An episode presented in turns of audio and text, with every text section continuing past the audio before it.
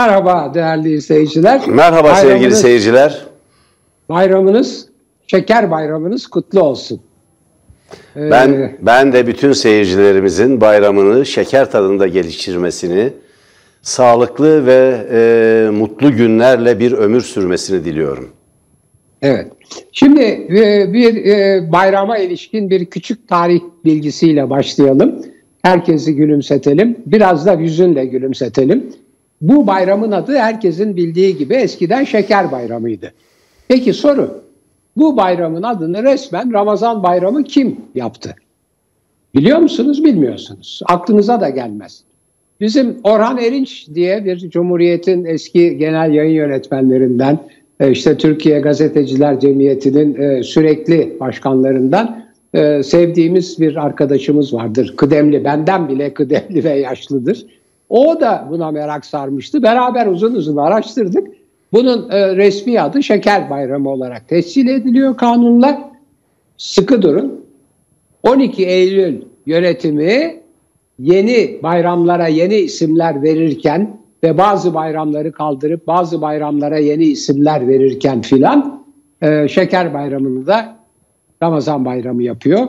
Aynı sırada biliyorsunuz e, dini siyasete veya siyasetten dini kullananlara, dincilere, Müslümanlara değil, dindarlara değil, dincilere Merdan Bey'in sürekli vurguladığı gibi müminlere, mutekitlere, Müslümanlara değil, siyaset için inancı e, kötüye kullananlara, istismar edenlere aynı zamanda taviz vererek e, anayasaya da mecburi din derslerini koyuyor. Hala düzeltilemedi ve o mecburi din dersleri konurken efendim işte bu ahlak dersi olacak. Bütün e, bilmem mezhepler anlatılacak filan dendi. Hepsi palavra çıktı.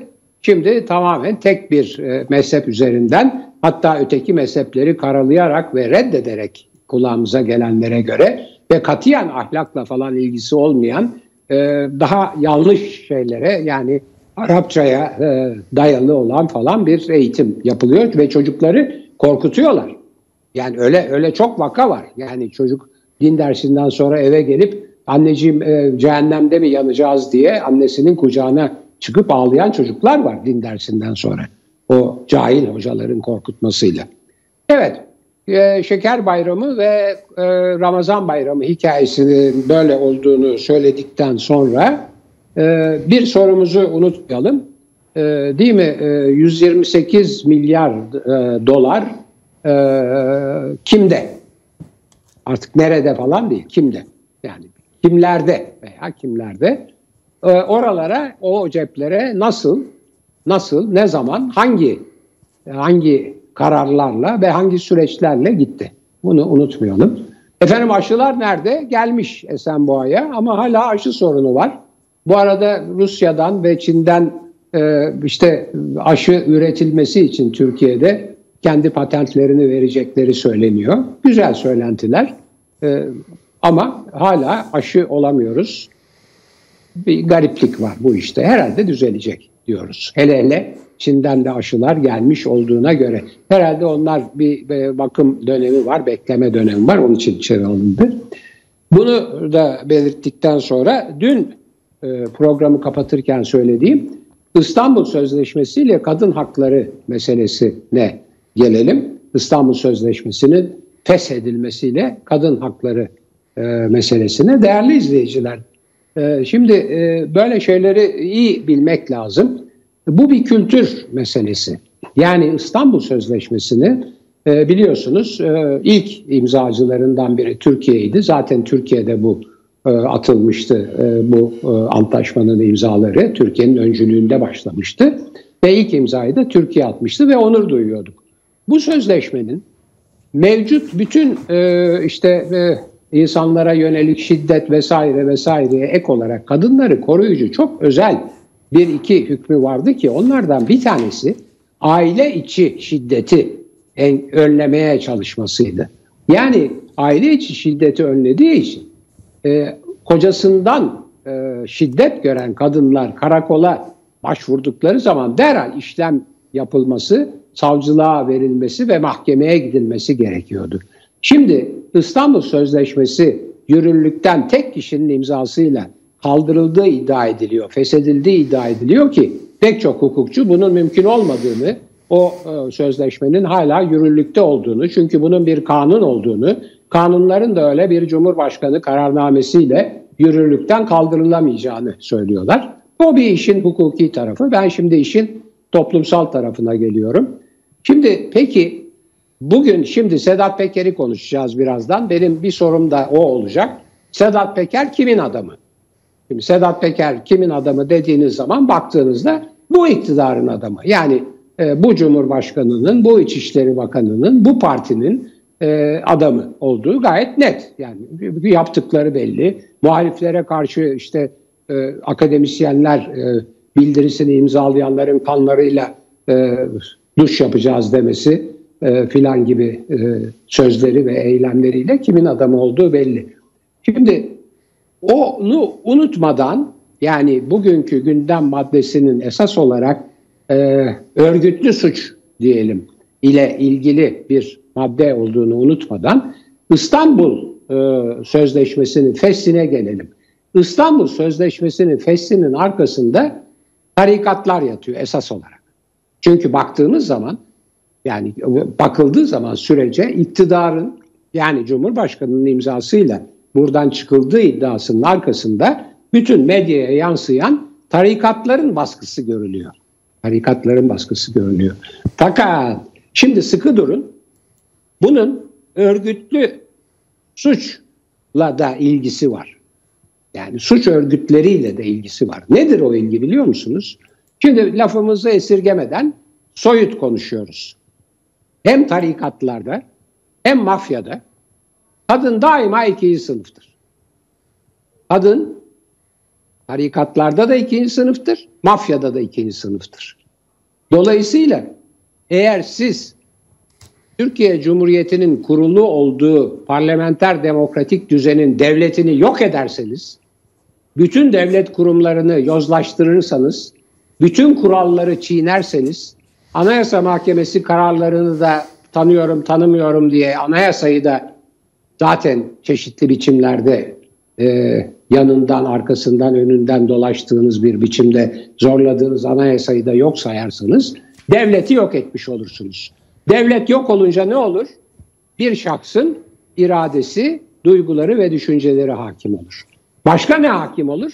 Kaba kuvvet. Kimde kaba kuvvet var şu anda? Bir, o şahsın ailesinde. iki tarikatlarda. Üç, örgüt, suç örgütlerinde. Yani mafyada. Olay bu kadar basit. Bütün bunlarda da, bütün bunların kültüründe de kadın ikinci sınıf vatandaş görüldüğü için pat diye artık genel kamuoyundaki demokratikleşme sürecinin bütün umutlarını yok etmiş olan bu iktidar eski kimliğine yani işte milli görüş gömleğinin de daha sertine e, döndüğü için bu olaylar böyle gelişti. İlişki buradadır. Maalesef hepsi bir bütündür. Yani e, şahsım devleti İstanbul Sözleşmesi'nin fesi kadınlara yönelik baskılar, cinayetler, şiddet ve örgütlü suç. Yani Peker'in e, dört olan videosu. Efendim biraz uzattım kusura bakmayınız. E, bayramın ilk günü olmasına e, e, affediniz beni. Rica ederiz hocam aff affedilecek bir durum yok. Elbette uzun konuşabilirsiniz. Canlı yayın bu canlı yayın dinamiği.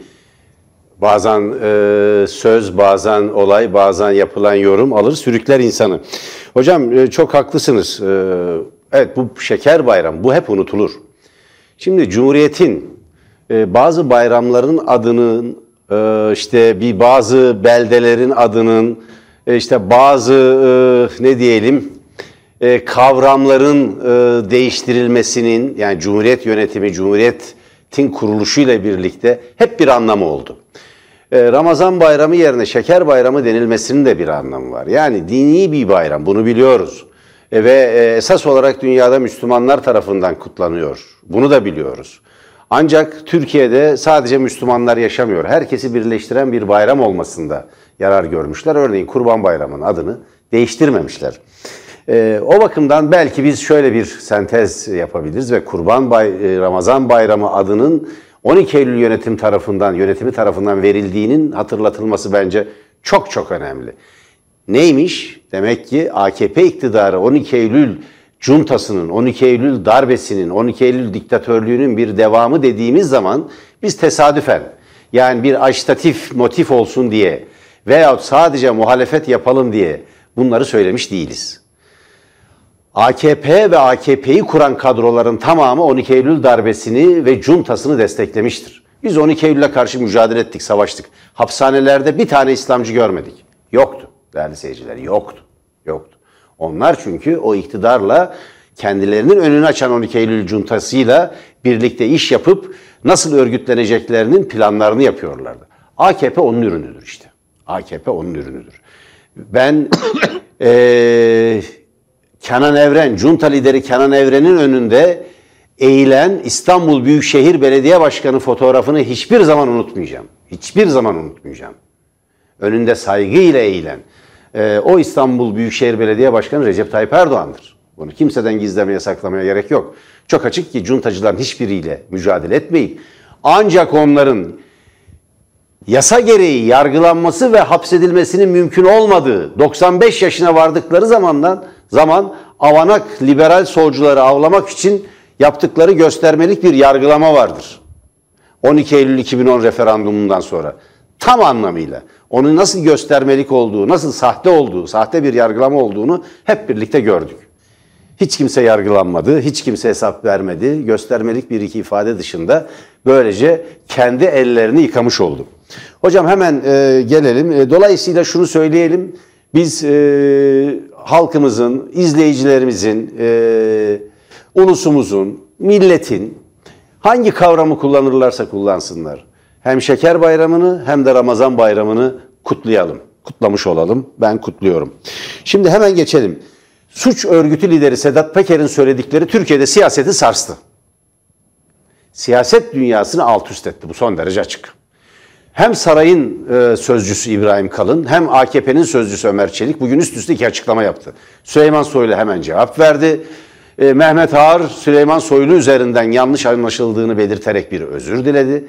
Bu işin derinleşeceği anlaşılıyor. Cumhuriyet Halk Partisi Grup Başkan Vekili e, vekilleri İçişleri Bakanı Süleyman Soylu'yu istifaya çağırdılar. Kuşkusuz bir kez daha altını çizelim. Sedat Peker'in söylediklerinin mutlak doğru olduğuna dair hiç kimse e, önsel olarak kesin bir ifade kullanamaz. Temkinli yaklaşılması gerektiği açık. Haber bültenlerimizde de yorumlarımızda da biz bunu e, net bir biçimde ifade ediyoruz.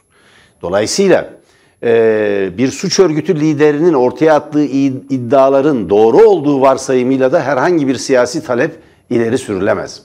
Şunu söylemek mümkün. Siz şaşalı bir biçimde sırf kamuoyuna gösteriş olsun diye kendisinin yurt dışında olduğunu bile bile evini öyle basarsanız küçük çocukların odasına otomatik silahlar ve kar maskeleriyle girerseniz yanınızda bir kadın polis bile götürme gereği duymazsanız çünkü amacınız gösteriş e, Sedat Peker çetesini çökertmek için e, ciddi bir çaba içinde olsaydınız çok daha önceden bazı önlemler alabilirdiniz. Yaparsanız işte arka arkaya gelen videolarla böyle sarsılırsınız.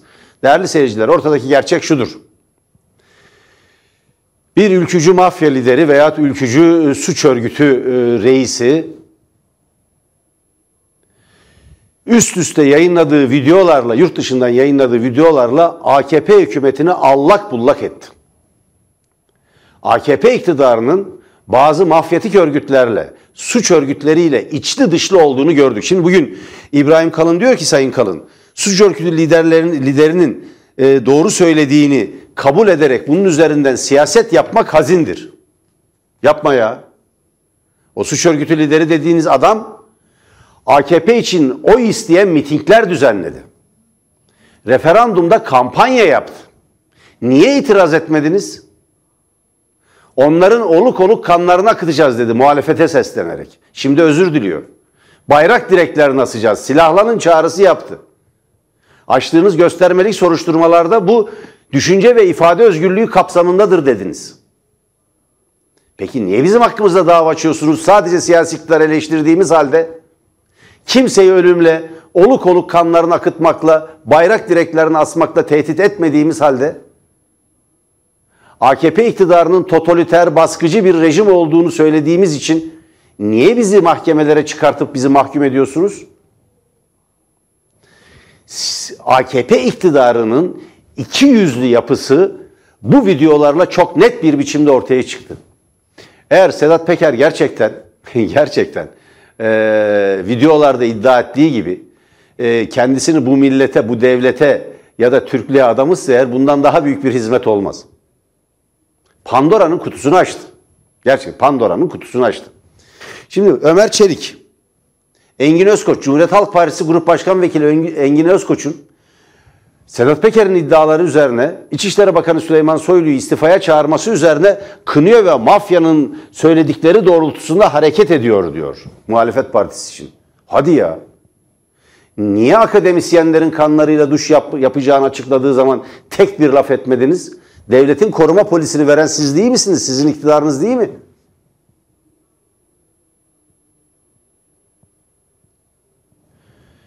Yürüttüğü her kampanyada, AKP'nin yürüttüğü her kampanyada bir adeta bir siyasi aktör gibi devreye giren Sedat Peker ve arkadaşları değil mi? Bir de niye daha önce konuşmadı da şimdi konuşuyor diyorsunuz? Adam açıklıyor zaten. Çok net bir şekilde açıklıyor. Ben bir kurtarıcı değilim, Mehdi değilim diyor ya. Ben o amaçla gelmiştim. Böyle ulvi bir görevim yok. Tabii ki kendim için en uygun dönemde açıklayacağım bunları. Ben aziz değilim diyor.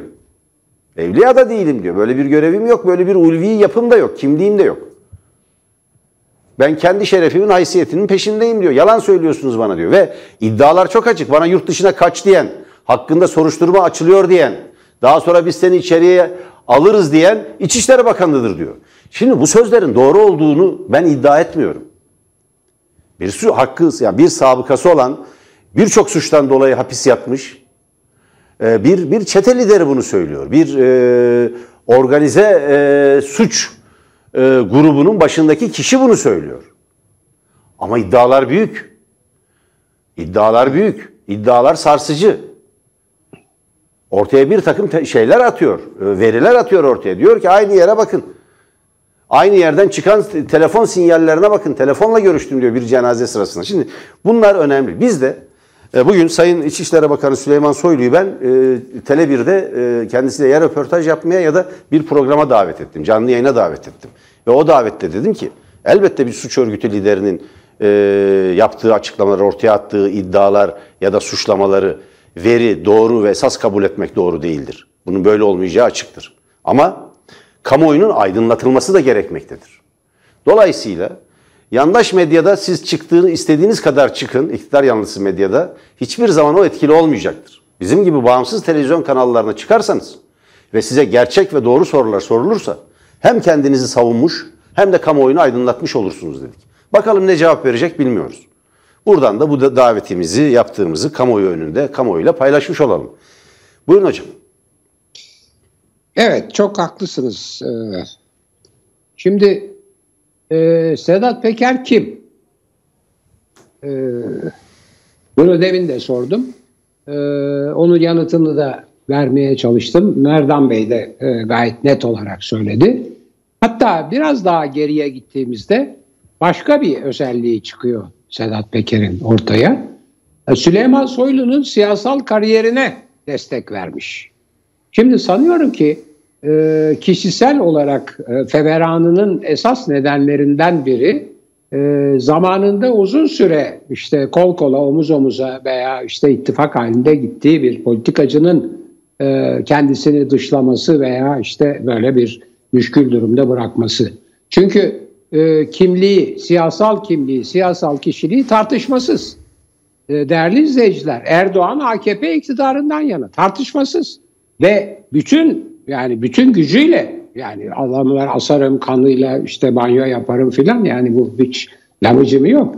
Şimdi ilginç olan nokta buna karşı e, Cumhurbaşkanlığındaki en aklı başında olan adamlardan biri sayılan e, en işte okumuş yazmış aklı başında yani oradaki en e, e, kaliteli e, en en nitelikli insanlardan biri sayılan Kalın Kalın, İbrahim Kalın şöyle bir tweet atmış. Aynen okuyorum aldım tweetinden aldım. İçişleri Bakanımız Süleyman Soylu meseleyi açıkça ortaya koyarken muhalefetin küçük siyasi hesaplarla ne mafyatik bir şahsın hezeyanlarından medet umarak iftira ve tezviratta bulunması muhalefet adına ne hazin bir durumdur. Umarım bu yaptıklarından hicap duyarlar. Affedersiniz ben ben bu e, sizin iftira dediğiniz şeyleri Sedat Peker söyledi zannediyordum. Yani ben ne Kılıçdaroğlu'ndan ne Özkoç'tan ne de öbür muhalefet sözcülerinden. Bunlar doğrudur demedi. Biz de hiçbir zaman doğrudur hiç, demedik ve Sayın Soylu'nun da açıklamalarına hiç, tamamen yer verdik. Bu iddialardan hiçbirini duymadım. Sadece sadece haklı olarak haklı olarak Kılıçdaroğlu dedi ki kim pasaport verdi bu zata çıkması için dedi. Siz verdiniz. O kadar basit. Yani o kadar. Bu bu hezeyan veya iftira dediğiniz şeylerle CHP'nin ilişkilendirilmesi yani tarihe, gerçeklere, her şeye aykırı siyasete de Hocam aykırı. durum şu. Sedat Peker grubuyla ilişkilerinin sorumlusunu da muhalefet diye göstermeye kalkıyorlar. Ee, mümkün değil. Şimdi daha ötesi var. Şimdi daha ötesi var. Soylu bu iddialara karşı, Peker'in iddialarına karşı kendisinin zaten alışık olduğumuz o sert üslubuyla işte e, idama beni idam edin falan filan diye böyle gayet sert ve şey e, aşırı söylemlerle bunları reddediyor. Bir defa onu belirtelim. Yani aynı üslubu kullanıyor. Arkadan bakın ama şunları söylüyor. Yani ben yani onu e, tarihe muhakkak mal etmek istiyorum. Bu, bu yani çok önemli bir şey. Nasıl olsa Kemal Kılıçdaroğlu gibi abim var. Bu adam yani mafyanın yani Kemal Kılıçdaroğlu'na yaptıkları neyse şimdi. Nasıl olsa Meral Akşener gibi ablan var. Sayın Akşener'e neler yapıldı? Nasıl olsa Ali Babacan gibi kardeşin var. Nasıl olsa Ahmet Davutoğlu gibi hocan var. Nasıl olsa, şimdi sıkı durun, bir gün gibi gazetem var. Nasıl olsa Cumhuriyet gibi gazetem var. Nasıl olsa Sözcü gibi yayın organın var.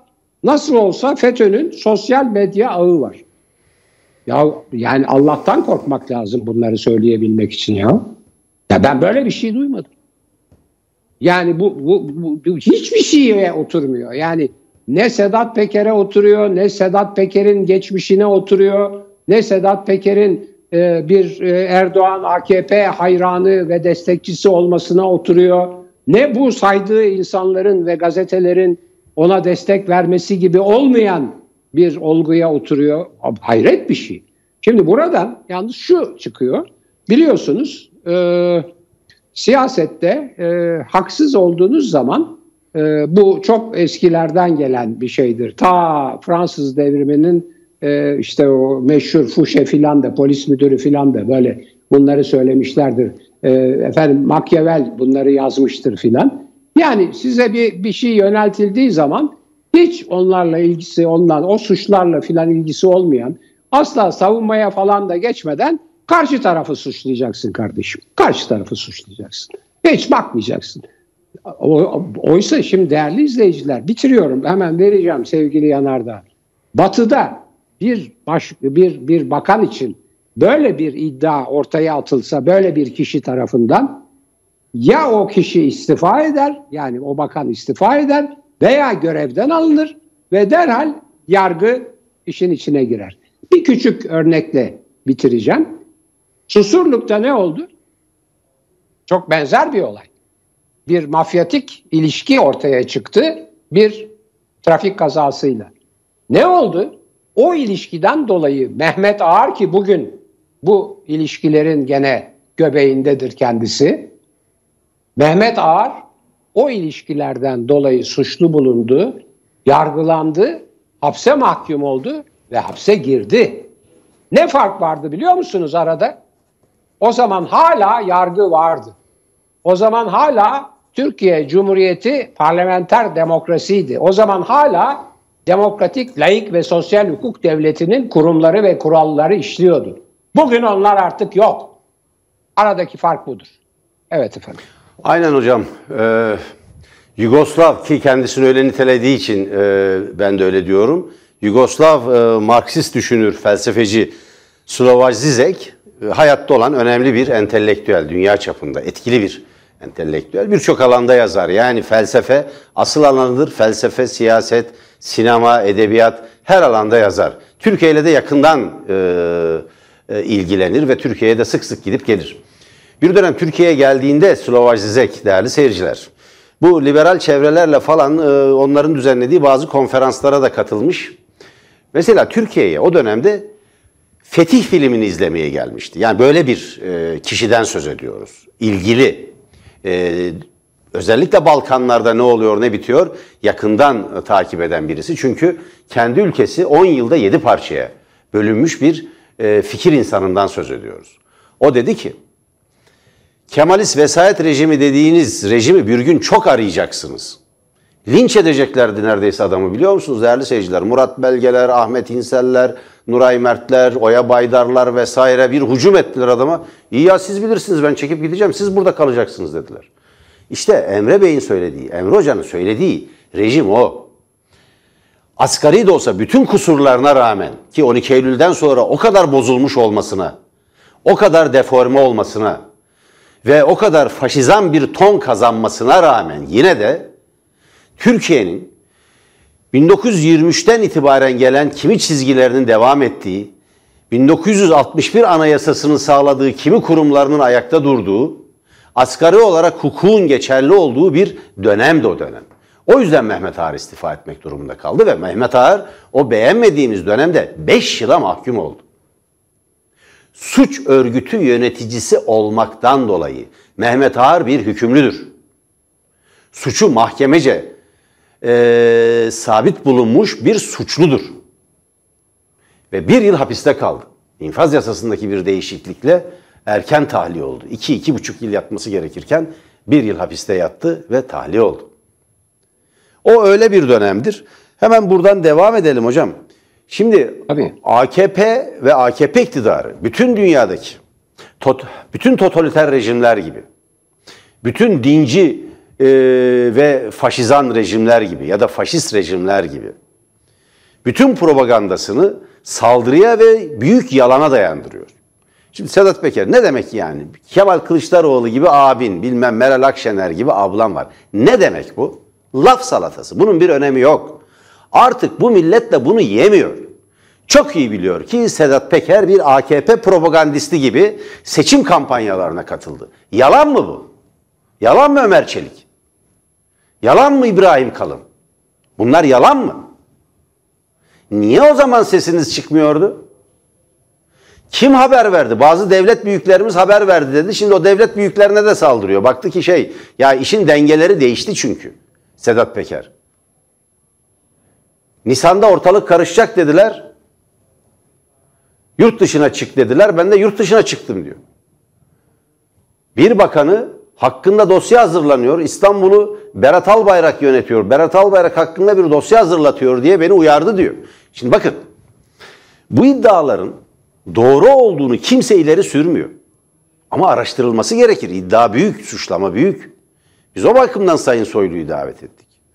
Elbette bir suç örgütü liderinin söylediklerinin yüzde yüz doğru olduğunu belirtip buna itibar edecek kimse yok. Ama yapılması gereken şey yargının önünü açmaktır. Adil bir soruşturma ve adil bir yargılamaya ihtiyaç var. Ama şurası kesin ki AKP hükümeti, AKP e, siyasal kadrolarının bir bölümü, önemli bir bölümü gırtlağına kadar bu ilişkilerin içine batmış durumdadır. Örneğin Fevzi İş Başaran diye bir e, AKP milletvekili e, Recep Tayyip Erdoğan'ı eleştirdi diye onun dövülmesini rica eden kim acaba Sedat Peker'den? Ve, de, ve Sedat Peker adamlarını Beyoğlu Karakolu'na, Beyoğlu Emniyet Müdürlüğü'ne gönderiyor. Orada nezaret orada bulunan eski bir AKP milletvekiline saldırıyorlar. Sedat Peker'in dediğine göre kemiklerini kırdırdım diyor orada. Bir rica üzerine ama diyor kim yaptırdı bunu biliyoruz. Bunu söylüyor. Biz böyle bir ilişkiye sahiptik. Fevzi İşbarışan'ın da diyor ki hayır diyor. Sahte avukat kimliğiyle gelmiş. Ee, benimle görüşmek istedi avukat olarak. Ben bunu fark edince bana bir tekme attı. Ben de iki tane vurdum yere düştü. Sonra da nezarette sahte kimlikli olduğu anlaşınca nezarette altına yaptı.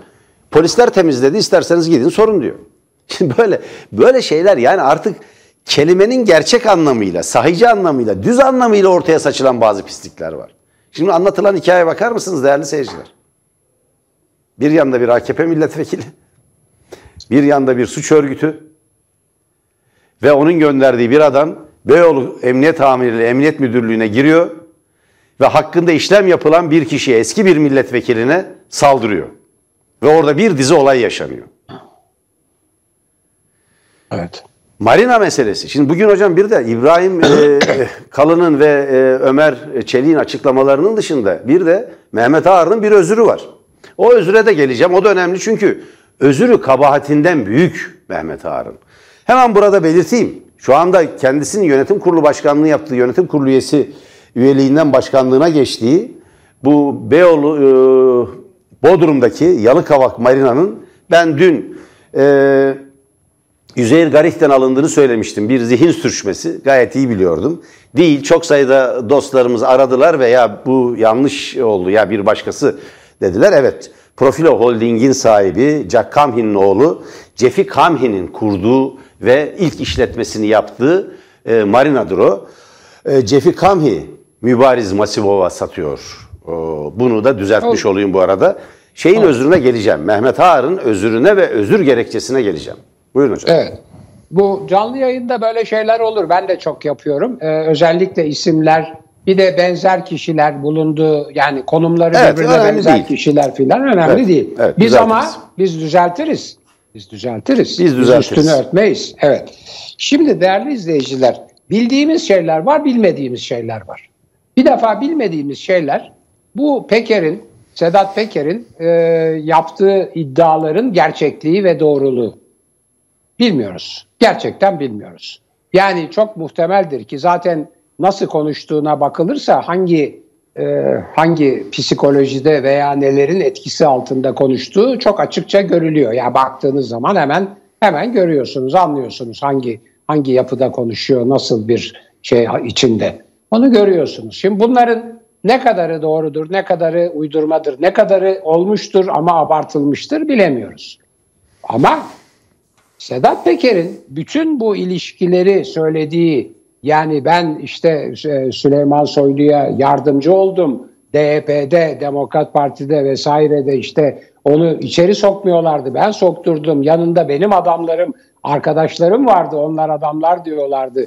Ondan sonra da işte cenazede bilmem işte e, dosya hazırlanıyor dedin. Ben sana reisin kulağına bir şeyler fısıldanmış dediğimde sen de bana İstanbul'a ben hakim değilim damat hakim dedin filan gibi sözler var şimdi.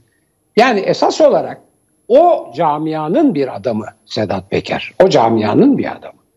Kendi aralarında bu başlamış, başladı. Değerli izleyiciler, şimdi benim acizane, tabii dinlemeyecekler beni biliyorum. Asla dinlemeyecekler. Fakat e, sosyal psikolojide, sosyolojide, işletmede kriz yönetimi diye bir şey vardır. Bu AKP içinde bir krizdir. Çünkü kendi müttefiklerinden biri saldırıyor. Yani çok önemli. AKP pek çok krizi atlattı maşallah. Belki bunu da e, yara bere almadan atlatacağını zannediyor olabilir ama artık eski AKP yok karşımızda. Eski iktidar yok. Neyse.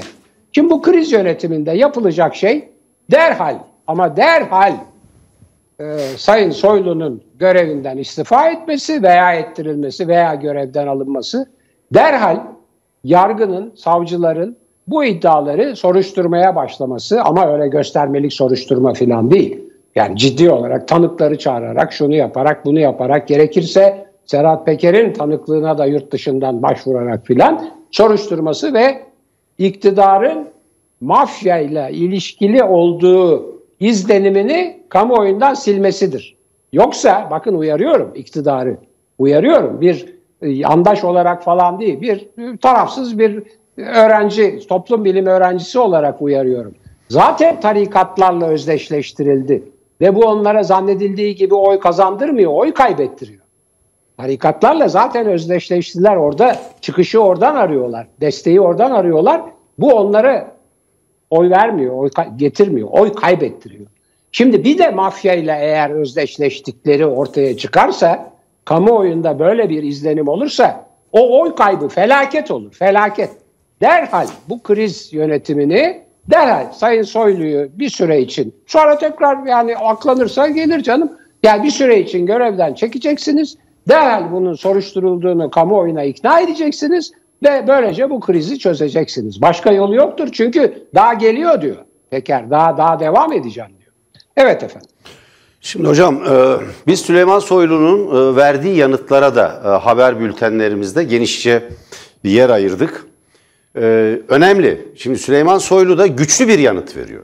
Yani bunları kanıtlanırsa eğer idam dahil her şeye razıyım diyor. Çok iddialı bir yanıt bu.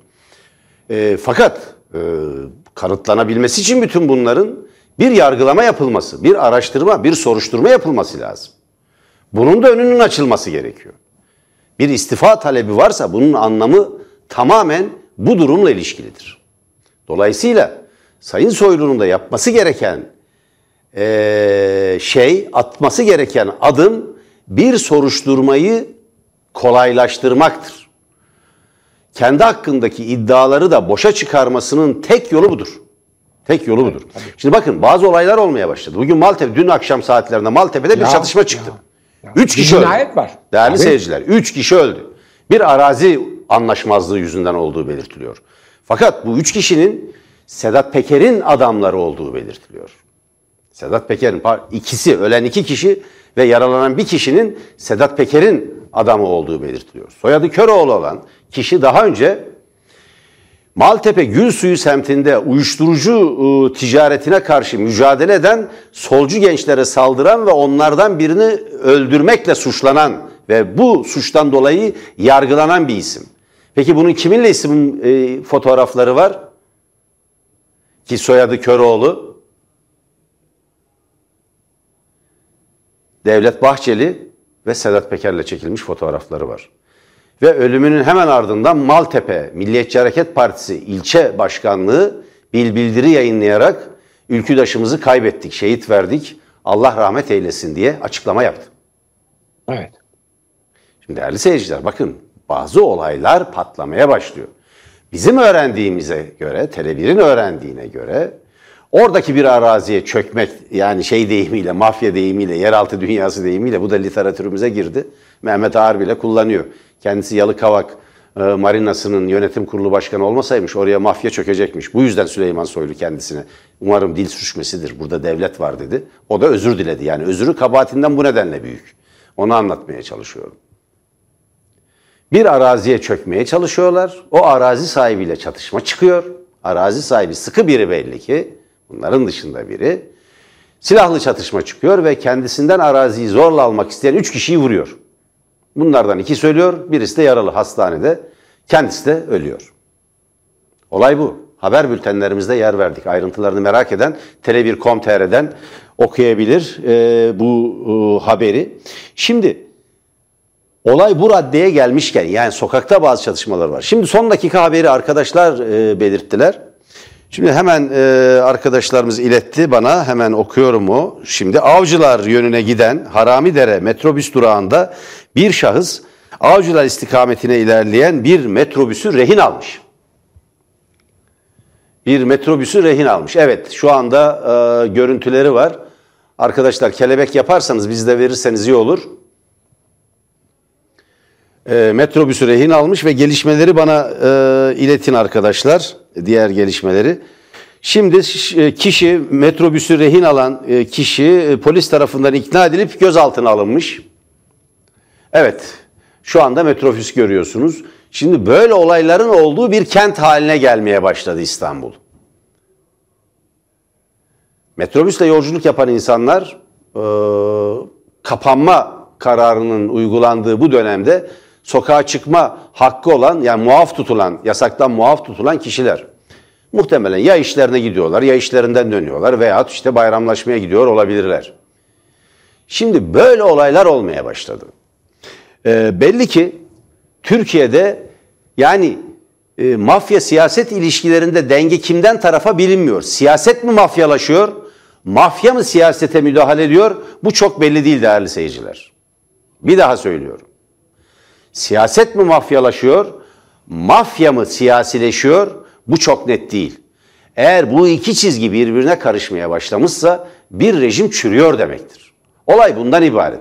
Muhalefeti suçlamak, Kılıçdaroğlu'nu suçlamak, Meral Akşener'i suçlamak, işte Ali Babacan kardeşin demek, Ahmet Davutoğlu hocan demek bu işi kurtarmaz.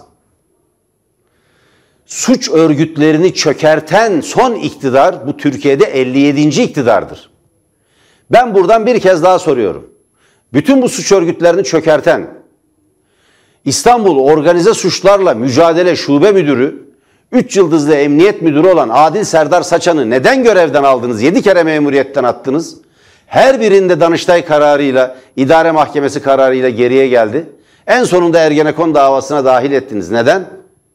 Kendisi polis akademisini birincilikle bitirmiş. Kamu yönetimi master'ı ve doktorası yapmış. Daha sonra hukuk fakültesini bitirmiş bir kişi. Son derece parlak bir eğitim geçmişi var. Kamu yönetimi doktoru, üniversitelerde ders vermiş bir kişi. Sıradan bir polis şefi değil. Niye? Sebebi belli. Çünkü Akbil soruşturmasını yapan, Akbil soruşturması, Akbil, Recep Tayyip Erdoğan'ın İstanbul Büyükşehir Belediye Başkanı olduğu dönemdeki en büyük yolsuzluk iddiasıdır. 1 milyar dolara yakın bir paranın kaybolması ile ilgili bir yolsuzluk soruşturmasıydı. O soruşturmayı yaptığı için 7 kez görevden alındı. 57. hükümet Türkiye'de suç örgütlerini çökerten, belli başlı suç örgütü liderlerini hapse atan tek hükümet dönemidir. Örneğin kim vardı o zaman İçişleri Bakanlarından ki Tele1'in programlarına da çok sık katılır. Yine polis kökenli, efsane emniyet müdürlerinden belediye başkanlığı yapmış. Tantan. Evet, Saadettin Tantan. Sayın Tantan bu ülkenin gelmiş geçmiş en dürüst polis şeflerinden biriydi. Başarılı bir sicili vardı. Belediye başkanlığı dönemi de böyleydi. İçişleri Bakanlığı döneminde Türkiye'nin en büyük yolsuzluk soruşturmalarına imza atıldığı gibi Uğur Mumcu cinayeti dahil, suikasti dahil birçok suikast çözülmüştür. Yani bizim medyada böyle dosya filan okunmadığı için, az okunduğu için bir kalıp, bir ezber çok yerleşir ve e, sürekli tekrarlanınca da bir genel kabule dönüşür. Faili meçhul cinayetler denildi mi işte Uğur Mumcu vesaire diye sayılır. Hayır değerli seyirciler. Uğur Mumcu'nun da. Bahriye Üçok'un da Ahmet Taner Kışlanı'nın da kimler tarafından öldürüldüğü tespit edilmiştir. Katillerin çok önemli bir bölümü yakalanmış, arkasındaki güç ortaya çıkartılmıştır. Çetin Emeç'in. Bu o dönemdedir işte. Saadettin Tantan'ın İçişleri Bakanlığı olduğu dönem. Adil Serdar Saçan gibi emniyet müdürlerinin olduğu dönemdir. Yani Cumhuriyete, Cumhuriyet'in değerlerine bağlı, hukuka evet. bağlı, yasalara bağlı. Bunlar farklı siyasal eğilimlerden insanlar ayrıca. Onu da belirteyim. Evet evet tabii. Farklı siyasal tam tam muhafazakardır. Evet, e, siyasal e, eğilimlere bağlı insanlar. Ama cumhuriyetçidir. Sapına kadar cumhuriyetçidir. Yok çok dürüsttür sapına, canım. Dürüst. Sapına kadar dürüst. cumhuriyetçidir. Cumhuriyetin değerlerine bağlıdır. Dolayısıyla evet. durum bu. Fark bu. Fark bu. Buyurun hocam. Evet şimdi iki, iki küçük olaya işaret edip e, program bitireceğiz herhalde. Birisi Soma Programımızın önü açık hocam. Devam ediyoruz. Bir miktar daha Öyle devam mi? edebiliriz. Aa iyi. O zaman o çok sevindim buna. O zaman Soma'yı hatırlayalım. Ee, en büyük işçi katliamı. Arkadaşlar söyleyecek katliam. ben size aktarırım. Kulağıma söyleyecek. Yaşasın. Yaşasın. Ben zaten çok uzatmayacağım. İki şey söyleyeceğim. Birisi Soma'nın yıl dönümü. Soma davası bugün fevkalade e, biçimde bu çocuk Soma'daki işçilerin e, vekili olan avukat fevkaladeydi. E, Tele1'deki e, ana haber bülteninde çok güzel anlattı, mükemmel anlattı. Nasıl davanın normal bir yargı sürecinde giderken birdenbire siyasi müdahale ile sıkı durun.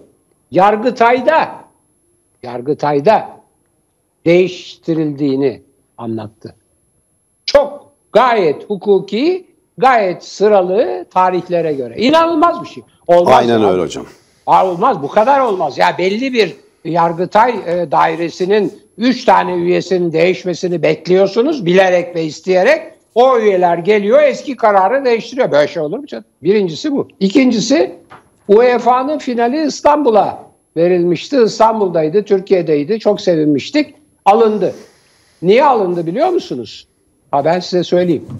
Çünkü AKP'nin genel kurulları, genel kongreleri Rize'den başlayarak en e, son genel e, kongre olarak Ankara'da biten 15 Şubat'la 24 Mart arası kongreleri yapıldı ve bütün Türkiye'ye yayıldı Covid-19. O yüzden şu anda Türkiye Covid-19'dan bunaldığı için ve çok yaygın olduğu için UEFA bu finali Türkiye'den aldı. Şimdi anlaşılıyor ki emirle emirle Covid-19 vakaları da düşmüş. 10 binlere falan düşmüş. İnanılır gibi değil. 60 binlerden 3-5 günde 10 günde 10 binlere düşüyor. Ya bu müthiş bir virüs canım. Yani herhalde şeyi dinliyor. E, Sağlık Bakanlığı'nın emrini falan dinleyen bir virüs. Allah sonumuzu hayretsin ne diyelim. Evet efendim. Evet hocam. Şimdi bu Mehmet Ağar'ın özürünü anlatacağım dedim. Değerli seyirciler önemli bir konu. Özürü kabahatinden büyük dedik. Mehmet Ağar ne dedi? Eğer biz bu marinanı, marinanın başına geçmeseydik buraya mafya çökerdi. Biz burada olmadığımız, olduğumuz için mafya buraya gelemedi. Ne demek bu ya? Bu ülke bir kanun devleti değil mi? Bu ülkede hukuk yok mu? Bu ülkede güçlülerin hukuku mu geçerli? Bakın bir temel kural vardır. Silahların konuştuğu yerde kanunlar susar. Ama kanunların sustuğu yerde ne devlet vardır ne hukuk vardır. Ne insan hakları vardır, ne özgürlükler vardır, ne demokrasi vardır. Kimin kılıcı keskinse o egemen olur. Böyle bir düzende yaşıyorsak bunu bilelim. Mehmet Ağar bunu söylüyor. Yahu her şeyden önce kısa dönemde olsa Adalet Bakanlığı yapmış, İçişleri Bakanlığı yapmış, bir eski emniyet genel müdürüne ve kıdemli bir polis şefine bir kere yakışmaz mı? Peki birisi kalkar derse sizin zaten oraya orada olmanız, yönetim kurulunda olmanız, yönetim kurulu başkanı olmanız zaten oraya çöküldüğü anlamına geliyor den, denirse bunu söylerlerse ne diyeceksiniz? İşte Bodrum'da çektirdiğiniz fotoğraflar ortada. Kimlerle fotoğraf çektirdiğiniz belli. Susurluk mahkumlarıyla, suçlularıyla, yeraltı dünyasının önemli isimleriyle fotoğraf çektiriyorsunuz. Ve bunu sosyal medyadan paylaşıyorsunuz. Şimdi bugün özür dilemiş. Çünkü Süleyman Soylu müdahale etti. Umarım dedi dil suçmesidir. Süleyman Soylu'nun müdahalesi yerindedir. Onu belirtelim. Altını çizelim. Bunun üzerine bugün bir açıklama yapıyor. Diyor ki evet diyor olayın kızgınlığıyla bir diyor dil suçmesi. Bu ülkenin emniyet teşkilatı da, bakanlığı da, hukuku da, mahkemeleri de vardır. Tabii ki hani biz burada olmasak buraya yine mafya çökmez. Yani şu, Sayın Ağar'ın söylediği şey şu. Eğer bir çete sizi korumuyorsa yandınız. Başka bir çete evet. gelir sizin malınızı, mülkünüzü alır ya yağmalar demek. Yahu 19 yıldan sonra, 18-19 yıldan sonra Türkiye'de böyle bir düzen mi kuruldu? Böyle bir düzen mi kuruldu? O yüzden özürü kabahatinden büyük diyorum değerli seyirciler. İşte Sedat Peker'in videoları bu nedenle siyaset dünyasını, bu nedenle AKP iktidarını sarsmaya başladı. Ve burada hemen belirtelim. Bir kez daha altını çiziyorum. Peker'in evinin basılma biçimi ne hukuka ne devlet ahlakına sığar. Bu da şunu gösteriyor. Bu da şunu gösteriyor. İktidarın bir dönem kullandığı isimleri nasıl kolaylıkla ve nasıl hoyrat bir biçimde harcayabileceğini de gösteriyor. Bu da birçok isme ders olsun diye altı çizilecek bir durumdur. Evet. Evet hocam yavaş yavaş sonuna doğru geliyoruz. Son sözlerimizi söyleyelim ve arkadaşlarımız söyleyelim. uyardılar. Kapatalım. E, evet. E, bir küçük e, olay daha var. Onu ana haber bülteninde siz gayet güzel görüntülerle verdiniz. Yani bu bekçiler bekçiler bir AKP'nin özel özel güvenlik gücü gibi mi? Yeni bir ordu gibi mi çalışmaya başladı? Onu da anlamak mümkün değil. Bu çünkü ilk vaka değil Maalesef ilk vaka değil. Daha evvel de 5-6 e, veya 4-5 bekçi bir e, bir insanı tekmeleyerek e, gündeme gelmişti, görüntülere gelmişti. Şimdi bu hemen yani birkaç gün içinde görülen ikinci vaka. Lütfen işte kimse bunların sorumlusu herhalde belli sorumlusu ya işte yani ben birazcık buna da bakmak lazım. Yoksa Türkiye mafya ile birlikte, tarikatlarla birlikte bir de bekçi ordularına mı yani peşkeş çekiliyor ona dikkat etmek lazım. Evet. Değerli seyirciler, e, bugün e, saat 21'de bizim prime time dediğimiz yani prime time en iyi zaman, en çok izlenen zaman demek televizyon literatüründe. E, Gökhan Kazbek'in hazırlayıp sunduğu Türkiye'nin gündemi programı yok. Bayram diye çok izlenen, belki bizim seyircilerimizin de önemli bir kısmının izlemiş olduğunu da tahmin ettiğimiz ama önemli bir filmi ekranlara getireceğiz. Bir bayram ekranı yapmaya çalıştık bugün. Bir Zamanlar Amerika. Film çok önemli. Sergi Leone, ünlü western filmlerinin yönetmenidir. Bir tür hani şiddetin ozanı diye bilinir. Böyle John Wayne gibi işte öpüşmeyen, sigara içmeyen, içki içmeyen, ee, böyle hani salon kovboy filmlerini bir kenara atıp çöpe atıp adeta gerçek neyse onu çırılçıplak ortaya koyan bir yönetmendir. Bir çığır açmış sinemada, dünya sinemasında bir İtalyan kökenli yönetmendir, bir Amerikalı yönetmendir Sergio evet, Leone. İyi, iyi, kötü ve çirkin. Gibi, bir avuç dolar gibi, biri. batıda kan var gibi, bir avuç dolar için gibi filmlerin ünlü yönetmenidir. Bir zamanlar Amerika onun final filmi. Sergio Leone diyor ki, ben bütün filmlerimi bir zamanlar Amerika'yı çekmek için yaptım. Bir zamanlar Amerika bir e, suç örgütünün, bir bir grubun, daha sonra büyük bir mafya örgütü haline gelecek bir grubun hikayesi üzerinden bir dönemin Amerikasını, Amerikan siyasetini, Amerikan sendikal hareketini, Amerikan toplumsal yaşamını gözler önüne seriyor. Amerika'nın nasıl bir siyasal ve toplumsal düzene sahip olduğunu görüyorsunuz. Orada bir mafya düzeni olduğunu anlıyorsunuz. Çok önemli oyuncular var. Robert De Niro gibi oyuncular var. Çok önemli. Yani ee, başka kim var? James Woods var. Çok önemli. Elizabeth McGovern var. Çok önemli bir oyuncu. Ve filmin müziklerini yapan Sergio Leone'nin film müziklerini yapan kişi Enrico Morricone. Yani o ünlü kovboy müziklerini yapan e, sinema müzisyeni, büyük müzisyendir. E, büyük bestecidir. Senfoni orkestraları tarafından çalınır onun birçok eseri. Ve Enrico Morricone'nin ünlü müziğini de kaçırmayın. O bakımdan biz bir zamanlar Amerika filmini bütün seyircilerimize tavsiye ederiz. Baştan sona kesintisiz e, yayınlanacak. Dediğimiz gibi uzun reklam araları olmayacak. Kaçırmayın derim. Tekrar bayramınızı kutlar, sağlıklı ve mutlu günler dileriz. Hoşçakalın. Evet, bayramınız kutlu olsun. Sergio Leone filmiyle bize bu geceyi yaşatacağı için de e, Kanal e, Tele1'i e, tebrik ediyorum. Teşekkür ederiz hocam. İyi seyirler diliyoruz.